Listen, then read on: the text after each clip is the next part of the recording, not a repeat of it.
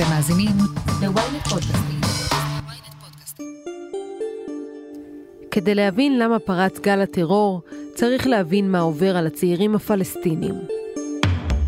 אני סיון חילאי, וזאת הכותרת.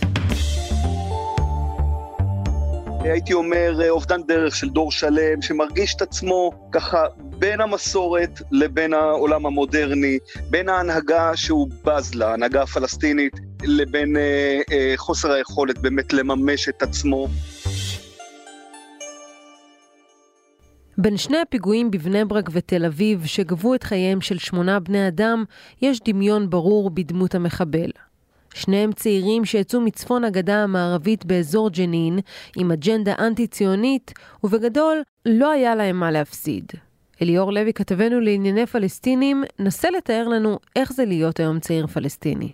קשה לצייר איזה דמות אה, ספציפית שמתאימה לכלל הצעירים אה, הפלסטינים, אבל אם אה, בכל זאת ננסה ככה לצלול אה, אה יותר פנימה אל הרוב, או אל אה, סוג של אה, דפוס עבור אה, צעיר פלסטיני, אני יכול להגיד לך שהצעירים הפלסטינים בשנות ה-20 לחייהם הם אנשים שקודם כל לא חוו את האינתיפאדה אה, השנייה.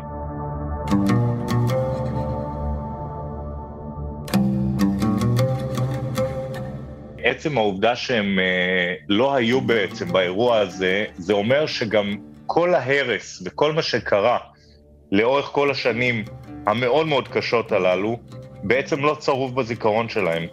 ואם זה לא צרוב בזיכרון שלהם, אז גם אין להם פחד מאותם ימים. למי כן יש פחד? להורים שלהם, כי הם חוו את זה כצעירים, הם ראו את ההרס, הם ראו את הטנקים ברמאללה, הם ראו את הטנקים בג'נין, את ה-D9 מגלחים בתים בג'נין. הצעירים הפלסטינים היום, נניח, שגרים במחנה הפליטים ג'נין, הם רק שמעו על זה, אבל הם לא חוו את זה על בשרם, וזה מאוד חשוב. דבר שני, הצעיר הפלסטיני לא יודע עברית, בניגוד לדור ההורים שלו והסבים והסבתות שלו. למה?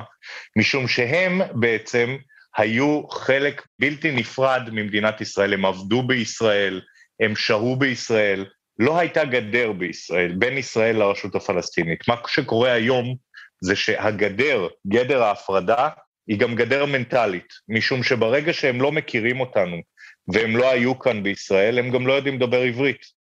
והם לא מכירים את המנטליות, והם לא מכירים את האנשים, והם לא מכירים בעצם את ה-counter parts, את הצעירים הישראלים, אגב, זה נכון גם הפוך, הצעירים הישראלים לא מכירים בדרך כלל אה, את הצעירים הפלסטינים, הם לא ראו אותם מעולם, אלא אם הם היו בשירות אה, אה, צבאי כזה או אחר.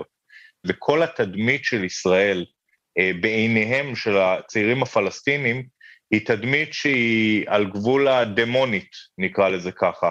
כי בסוף צעיר פלסטיני לא מכיר יותר מדי מעבר למה שהוא רואה בגדה המערבית, ואת מה שהוא רואה בגדה המערבית זה בעיקר מתנחלים או חיילים, אחד מהשניים.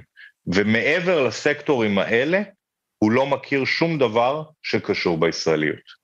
למעשה אותם צעירים שהם בדרך כלל אה, דור שלישי או אולי אפילו רביעי, נולדו אחרי 48, ולמרות שהם לא הכירו את החיים כאן, כמו שאתה אומר, הם מכירים רק מה שהם רואים uh, על הגדר, עדיין החלום הזה לחזור לבית של סבתא בישראל עוד קיים בהם. נכון, תראי, בסופו של דבר, צעיר שנמצא במחנה הפליטים uh, בגדה המערבית, ולא משנה אגב איזה מחנה פליטים זה, ההשקפה שלו לא שונה מההשקפה של ההורים שלו, מההשקפה של סבא וסבתא שלו.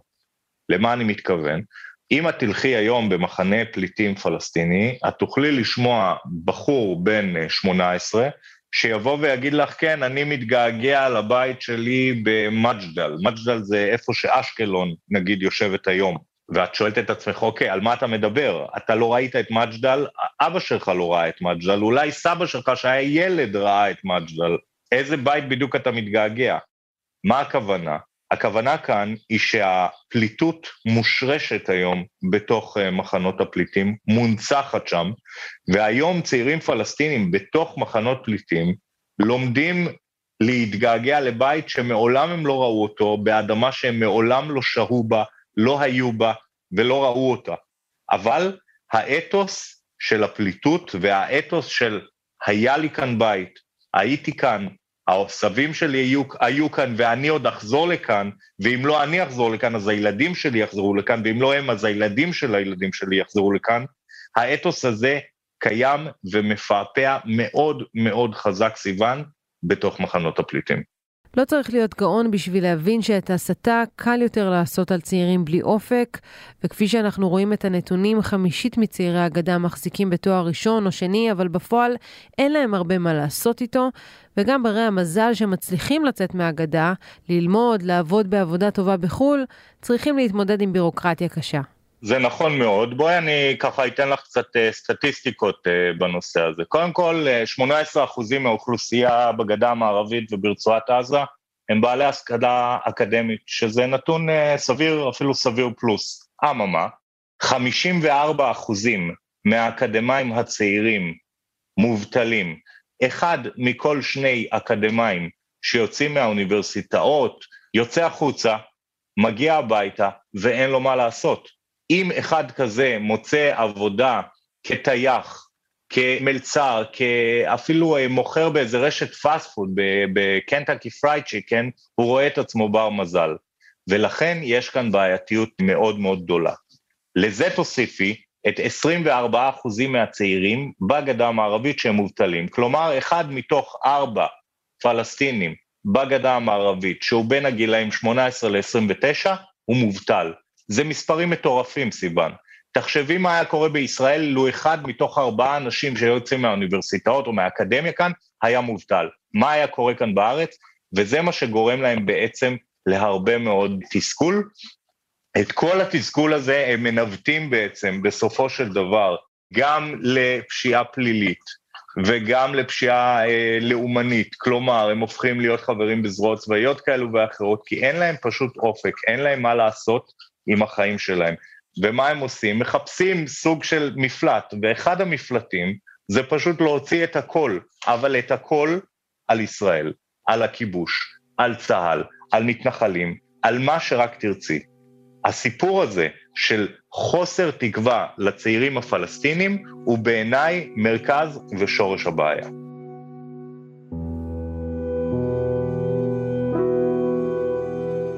ויש הבדל בין פלסטיני שגדל בבית לחם או בג'נין, לבין צעיר שגדל באחד ממחנות הפליטים. תראי, כמו בכל אה, מקום אה, בעולם, בישראל ולא רק בישראל, יש אה, מרכז ויש פריפריה.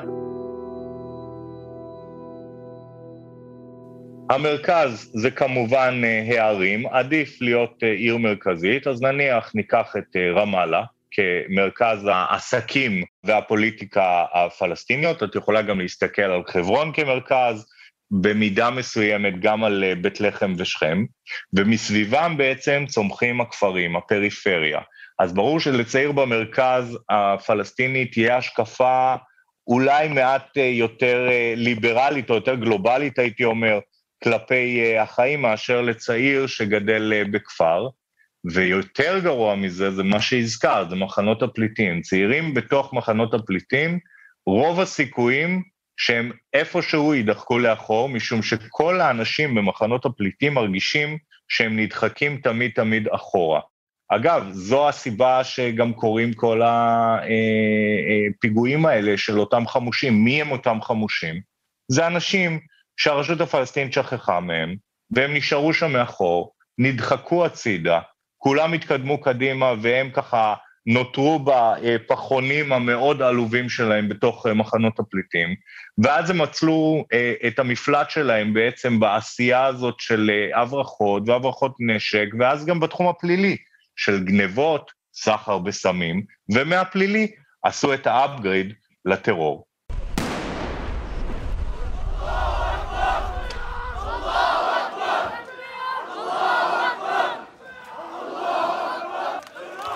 מיקרוקוסמוס לתסכול הפלסטיני אפשר לראות במחנה הפליטים בג'נין. בפועל מי שהיום מנהל את המחנה הם חבר'ה צעירים בני 25 פלוס מינוס. מתוכם יצא המחבל שביצע את הפיגוע בדיזינגוף. זה הדור שעליו uh, דיברנו קודם.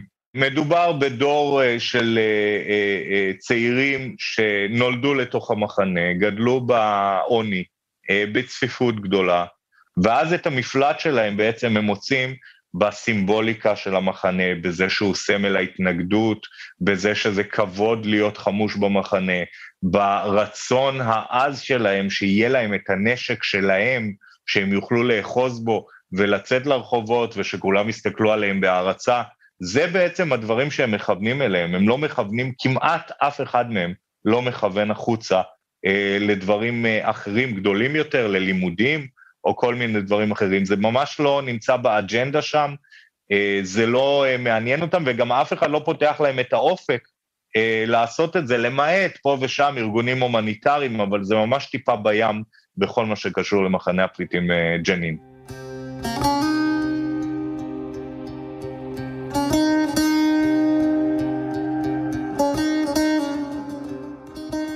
בעצם מה שקורה במחנה הפליטים ג'נין זה שיש לך שם אה, אה, שלושה ארגונים מאוד מאוד חזקים ששולטים על האירוע. אה, הראשונים שבהם זו הג'יהאד האיסלאמי, הכי חזקים במחנה. אחריהם אה, גדודי אה, חללי אל-אקצא, מה שהיה בעצם אה, פעם באינתיפאדה השנייה הזרוע הצבאית של פת"ח, היא לא באמת קיימת אה, אה, בפועל היום, אבל בתוך המחנות היא עדיין נשארה. והחלק השלישי זה חמאס. גם לחמאס יש אה, אחיזה במחנה הפליטים ג'נין באמצעות אה, הזרוע אה, הצבאית שלו. אז בעצם את מסמנת פה שלושה ארגונים שהם נותנים את הטון, בראשם כאמור הג'יהאד האיסלאמי, אבל מה שמעניין עוד יותר, וזו תופעה באמת ייחודית למחנה הפליטים ג'נין, זה שבניגוד לכיתוב בחוץ, נגיד בין פת"ח לחמאס, במחנה הפליטים ג'נין אין את זה.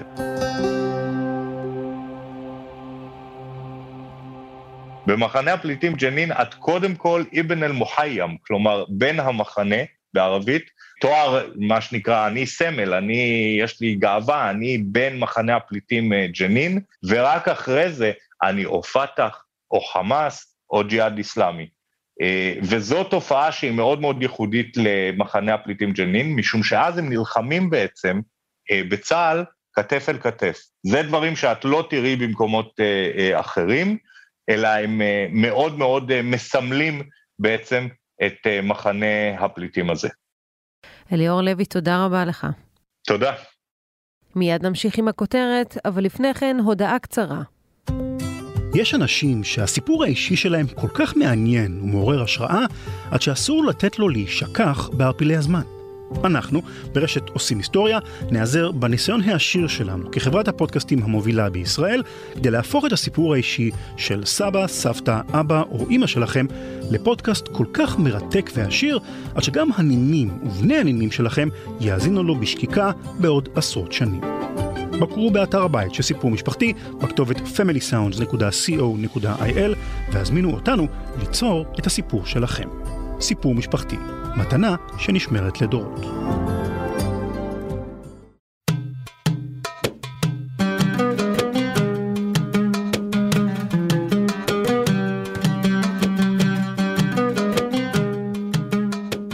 בגדה חי דור שלם מתוסכל, שאת תוצאות התסכול אנחנו רואים בשבועיים האחרונים בפיגועי הטרור. דוקטור מיכאל מילשטיין, מחבר הספר לא פה, לא שם, דיוקנו של הדור הצעיר הפלסטיני, בהוצאת מרכז דיין, אוניברסיטת תל אביב ומערכות, אפשר להגיד בעצם שגם ישראל וגם הרשות הפלסטינית התעלמו מהבעיה הזו.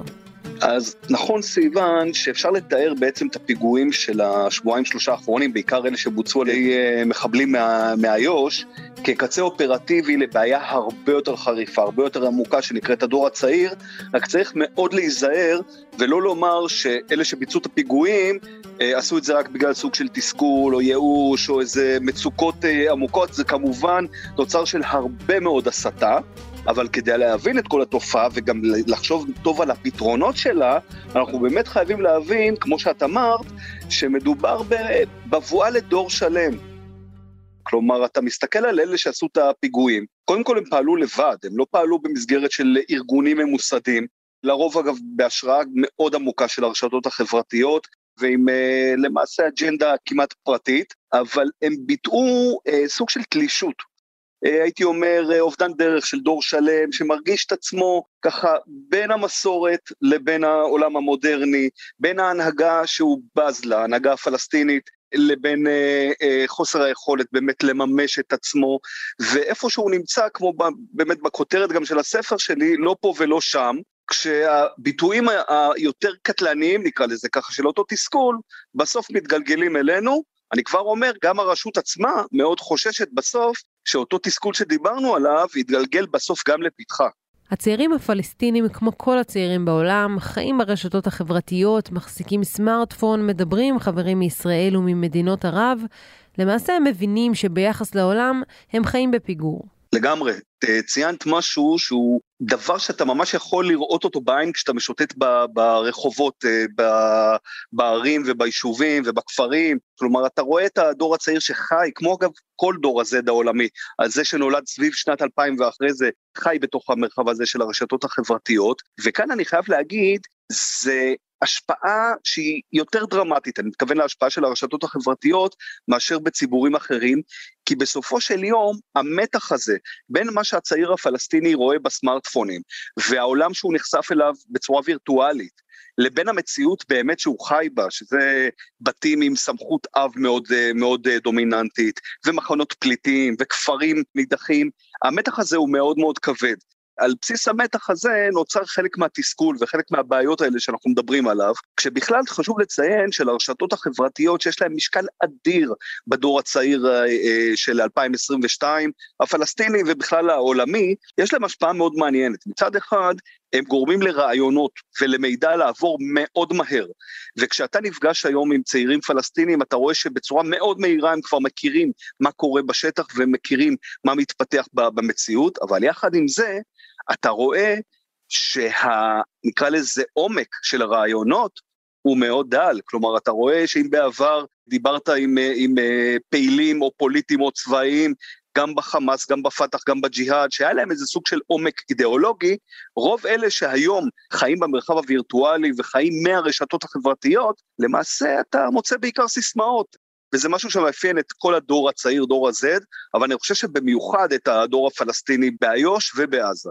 אז מה האופציות של צעיר פלסטיני כזה? אולי הם אומרים, כדאי לנו להיות שב"חים, אולי שם אנחנו נצליח להתפרנס כמו שצריך ולהבטיח לעצמנו איזשהו עתיד שאנחנו לא מוצאים כאן בגדה? זו באמת uh, הטרדה המרכזית של רוב הצעירים הפלסטינים. אגב, צריך להגיד שרמת הייאוש שלהם מהאידיאולוגיות הגדולות של פעם היא כל כך גדולה, שכשאתה היום נפגש עם צעירים פלסטינים מג'נין ועד חברון, הם אומרים, תשמע, עזוב אותי מהאופציה של המום, כל העניין הזה של רעיון שתי המדינות, עזוב אותי גם מההתנגדות, הרעיון של חמאס, אה, שלא בדיוק מוכיח את עצמו, מה שאני רוצה זה בידנא נעיש, רוצים פשוט לחיות. חלק גדול מהצעירים הפלסטינים, זה לא שהם שכחו להיות פלסטינים, זה לא שהם אה, לא, לא, לא בעלי שאיפות לאומיות, אבל הם בעיקר רוצים למקד את עצמם בלרכוש את החיים, נקרא לזה, הטובים.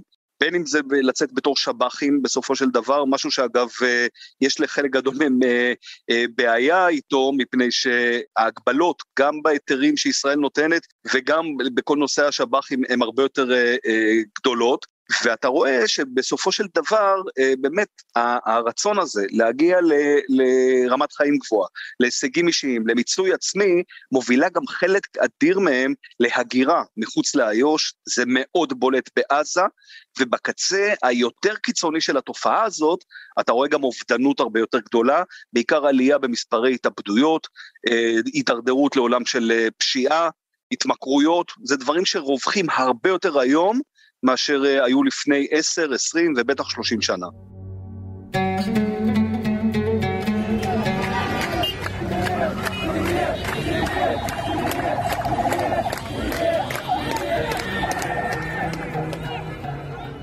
ולמרות זאת, הדור הזה שנולד לתוך אוסלו וגדל לתוך האינתיפאדה השנייה, לא יודע עברית, לא מכיר את התרבות הישראלית, ולא בטוח שבכלל רוצה להכיר.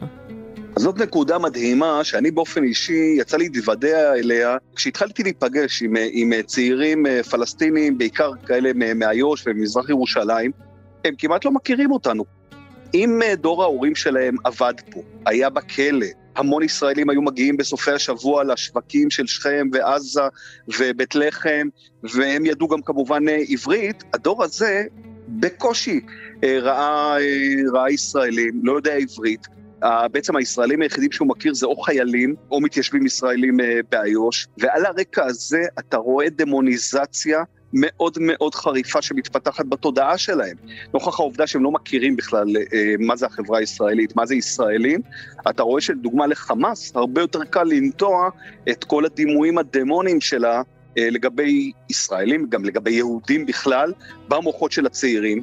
וכשאתה פוגש לדוגמה צעירים שביצעו פיגועים, או שרצו לבצע פיגועים, ואתה מדבר איתם, אתה רואה שמה שמניע אותם בין היתר זה אותם דימויים דמונים שנובעים בין היתר מה, מהעניין של אפס מודעות ואפס היכרות עם החברה הישראלית שמובילה אותם בין היתר לפעולות האלה.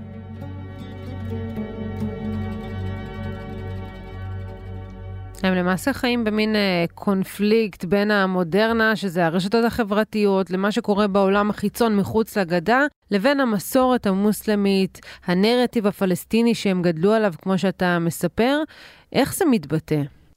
אז בעצם זה ממש סיפור חייו של הצעיר הפלסטיני בשנת 2022. כלומר, זה צעיר שיודע איזה סוג תספורת הוא רוצה, הוא יודע איזה סוג ג'ינסים הוא רוצה, הוא יודע איזה סוג מותגים הוא רוצה, ואיזה תוכניות בידור אה, הוא רוצה לצפות בהם, כמו אלה שרווחות בעולם, בעולם הערבי והעולם המערבי, אבל בסופו של אותו יום הוא חוזר לבית שמי שדומיננטי בו זה אב, כמובן חברה גברית אה, מאוד אה, מובהקת, עם קודים מסורתיים, עם אה, צורך או, או הכרח מאוד אה, לכבד אה, סמכויות פוליטיות וסמכויות חברתיות ציבוריות כמו אימאמים וראשי חמולות ומוכתרים, ובתווך הזה בין שני הכתבים הצעיר למעשה מאוד מאוד קרוע. עכשיו הדבר הזה מאוד בולט בעולם של הנשים, של הבנות הפלסטיניות.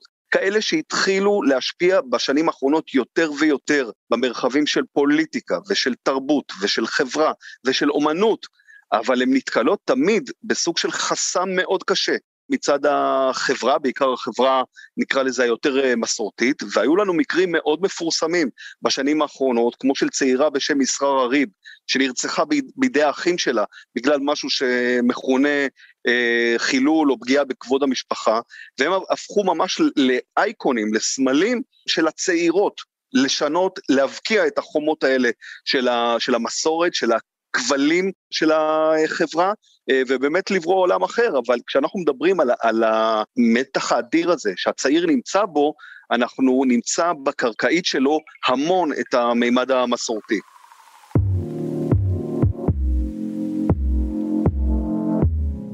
אז מה ישראל אמורה לעשות? הרי בסופו של דבר בדור הזה אמורים להיות הפרטנרים הבאים שלנו.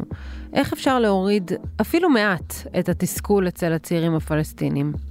זו באמת אה, נקודה שחייבים להתעכב עליה, כי בסופו של דבר אנחנו לא רק מנתחים את המציאות, אלא גם צריכים לחשוב איך אה, נותנים לה סוגים של מענה ומשנים אותה. וכאן קודם כל ישראל חייבת להבין שהיא לא משקיפה מהצד. אנחנו כמובן בשבועיים שלושה האחרונים ראינו את זה, אנחנו חלק, נקרא לזה, מהדילמה עצמה, אנחנו לא חלק מהבעיה, אבל אנחנו חלק מהדילמה, ואנחנו חייבים גם לנסות אה, לפתור אותה, כי היא מגיעה אלינו בסופו של דבר. אני חושב שכאן יש שני דברים מרכזיים שישראל חייבת לראות איך היא מקדמת. הדבר הראשון זה הסיפור האזרחי-כלכלי. מאמץ שמספק במהלך השנים האחרונות, בעיקר בעשור האחרון, סוג של רגיעה כללית בכלל באיו"ש, ואני חושב שהוא חייב להיות הרבה יותר ממוקד בדור הצעיר. זה דורש מאיתנו לפעול מול הרשות הפלסטינית, לכך כמות ההיתרים, כמות ההכשרות המקצועיות, כמות העבודות שיינתנו לדור הצעיר, בעיקר אגב לדור הצעיר במחנות הפליטים, שהמצב שלו הוא הרבה יותר גרוע, הכמות הזאת תהיה הרבה יותר גדולה. ואני חושב שכאן יש הרבה מאוד משקל לתיאום בין ישראל לבין הרשות, ישראל יכולה להשפיע על הרשות בנושא הזה. הדבר השני שחייבים לתת עליו את הדעת, זה הנושא התודעתי. היום, כמו שציינו, בעצם הצעיר הפלסטיני, לא רק שלא מכיר את ישראל, הוא גם מפתח עוינות אדירה. זה לא בדיוק בסיס לאיזה עתיד טוב יותר בין שני העמים. ואני חושב שבהקשר הזה, במרחב הווירטואלי, בעיקר דרך הרשתות החברתיות, דרך אתרי אינטרנט, דרך כל סוגי התקשורת, אפשר לנסות ליצור סוג של, אה, אני לא אקרא לזה דיאלוג, אבל לפחות ערוץ הקרנת מידע מצד ישראל כלפי הצעירים הפלסטינים, להסביר מה זאת החברה הישראלית, להסביר מה זאת ישראל, להראות לפעמים אמיתות שהצעירים האלה לא מכירים, ואם אפשר, וזה אולי בעתיד טיפה יותר רחוק, גם לדבר על מפגשים הרבה יותר אינטנסיביים בין בני נוער ישראלים לבני נוער פלסטינים, כדי באמת ליצור את אותה היכרות. כאמור, זה לא ייתן מענה טוטאלי לא לעוינות ולא לטרור, אבל זה בהחלט יכול לתרום לצמצום שלהם. כן, בהחלט אנחנו נקווה שלפחות... אה, לפחות אחד מהצעדים האלה יקרו ונתקרב עוד ועוד אה, למצב שיהיה רוגע בגדה וכך גם בישראל. דוקטור מיכאל מילשטיין, תודה רבה לך. תודה לך, סיוון. עד כאן הכותרת להפעם. אתם מוזמנים לעקוב אחרינו בוויינט או איפה שאתם שומעים את הפודקאסטים שלכם. אם זה קורה בספוטיפיי או באפל פודקאסט, אתם מוזמנים גם לדרג אותנו ולהאזין לפרק נוסף שלנו על צעירים פלסטינים. חפשו את הפרק קולות מעזה. כתבו לנו מה דעתכם על הפרק בקבוצת הפייסבוק פודקאסט להמונים או אצלי בטוויטר, וכמובן, אל תשכחו לשלוח את הפרק לחבר שעדיין לא שמע את הכותרת של היום. עורך הפודקאסטים הוא רון טוביה, גיא סלם סייע בעריכת הפרק, על הסאונד ניסו עזרן. עטילה שומפלבי הוא גם חבר בצוות הכותרת. אני סיוון חילאי, השתמע בפעם הבאה.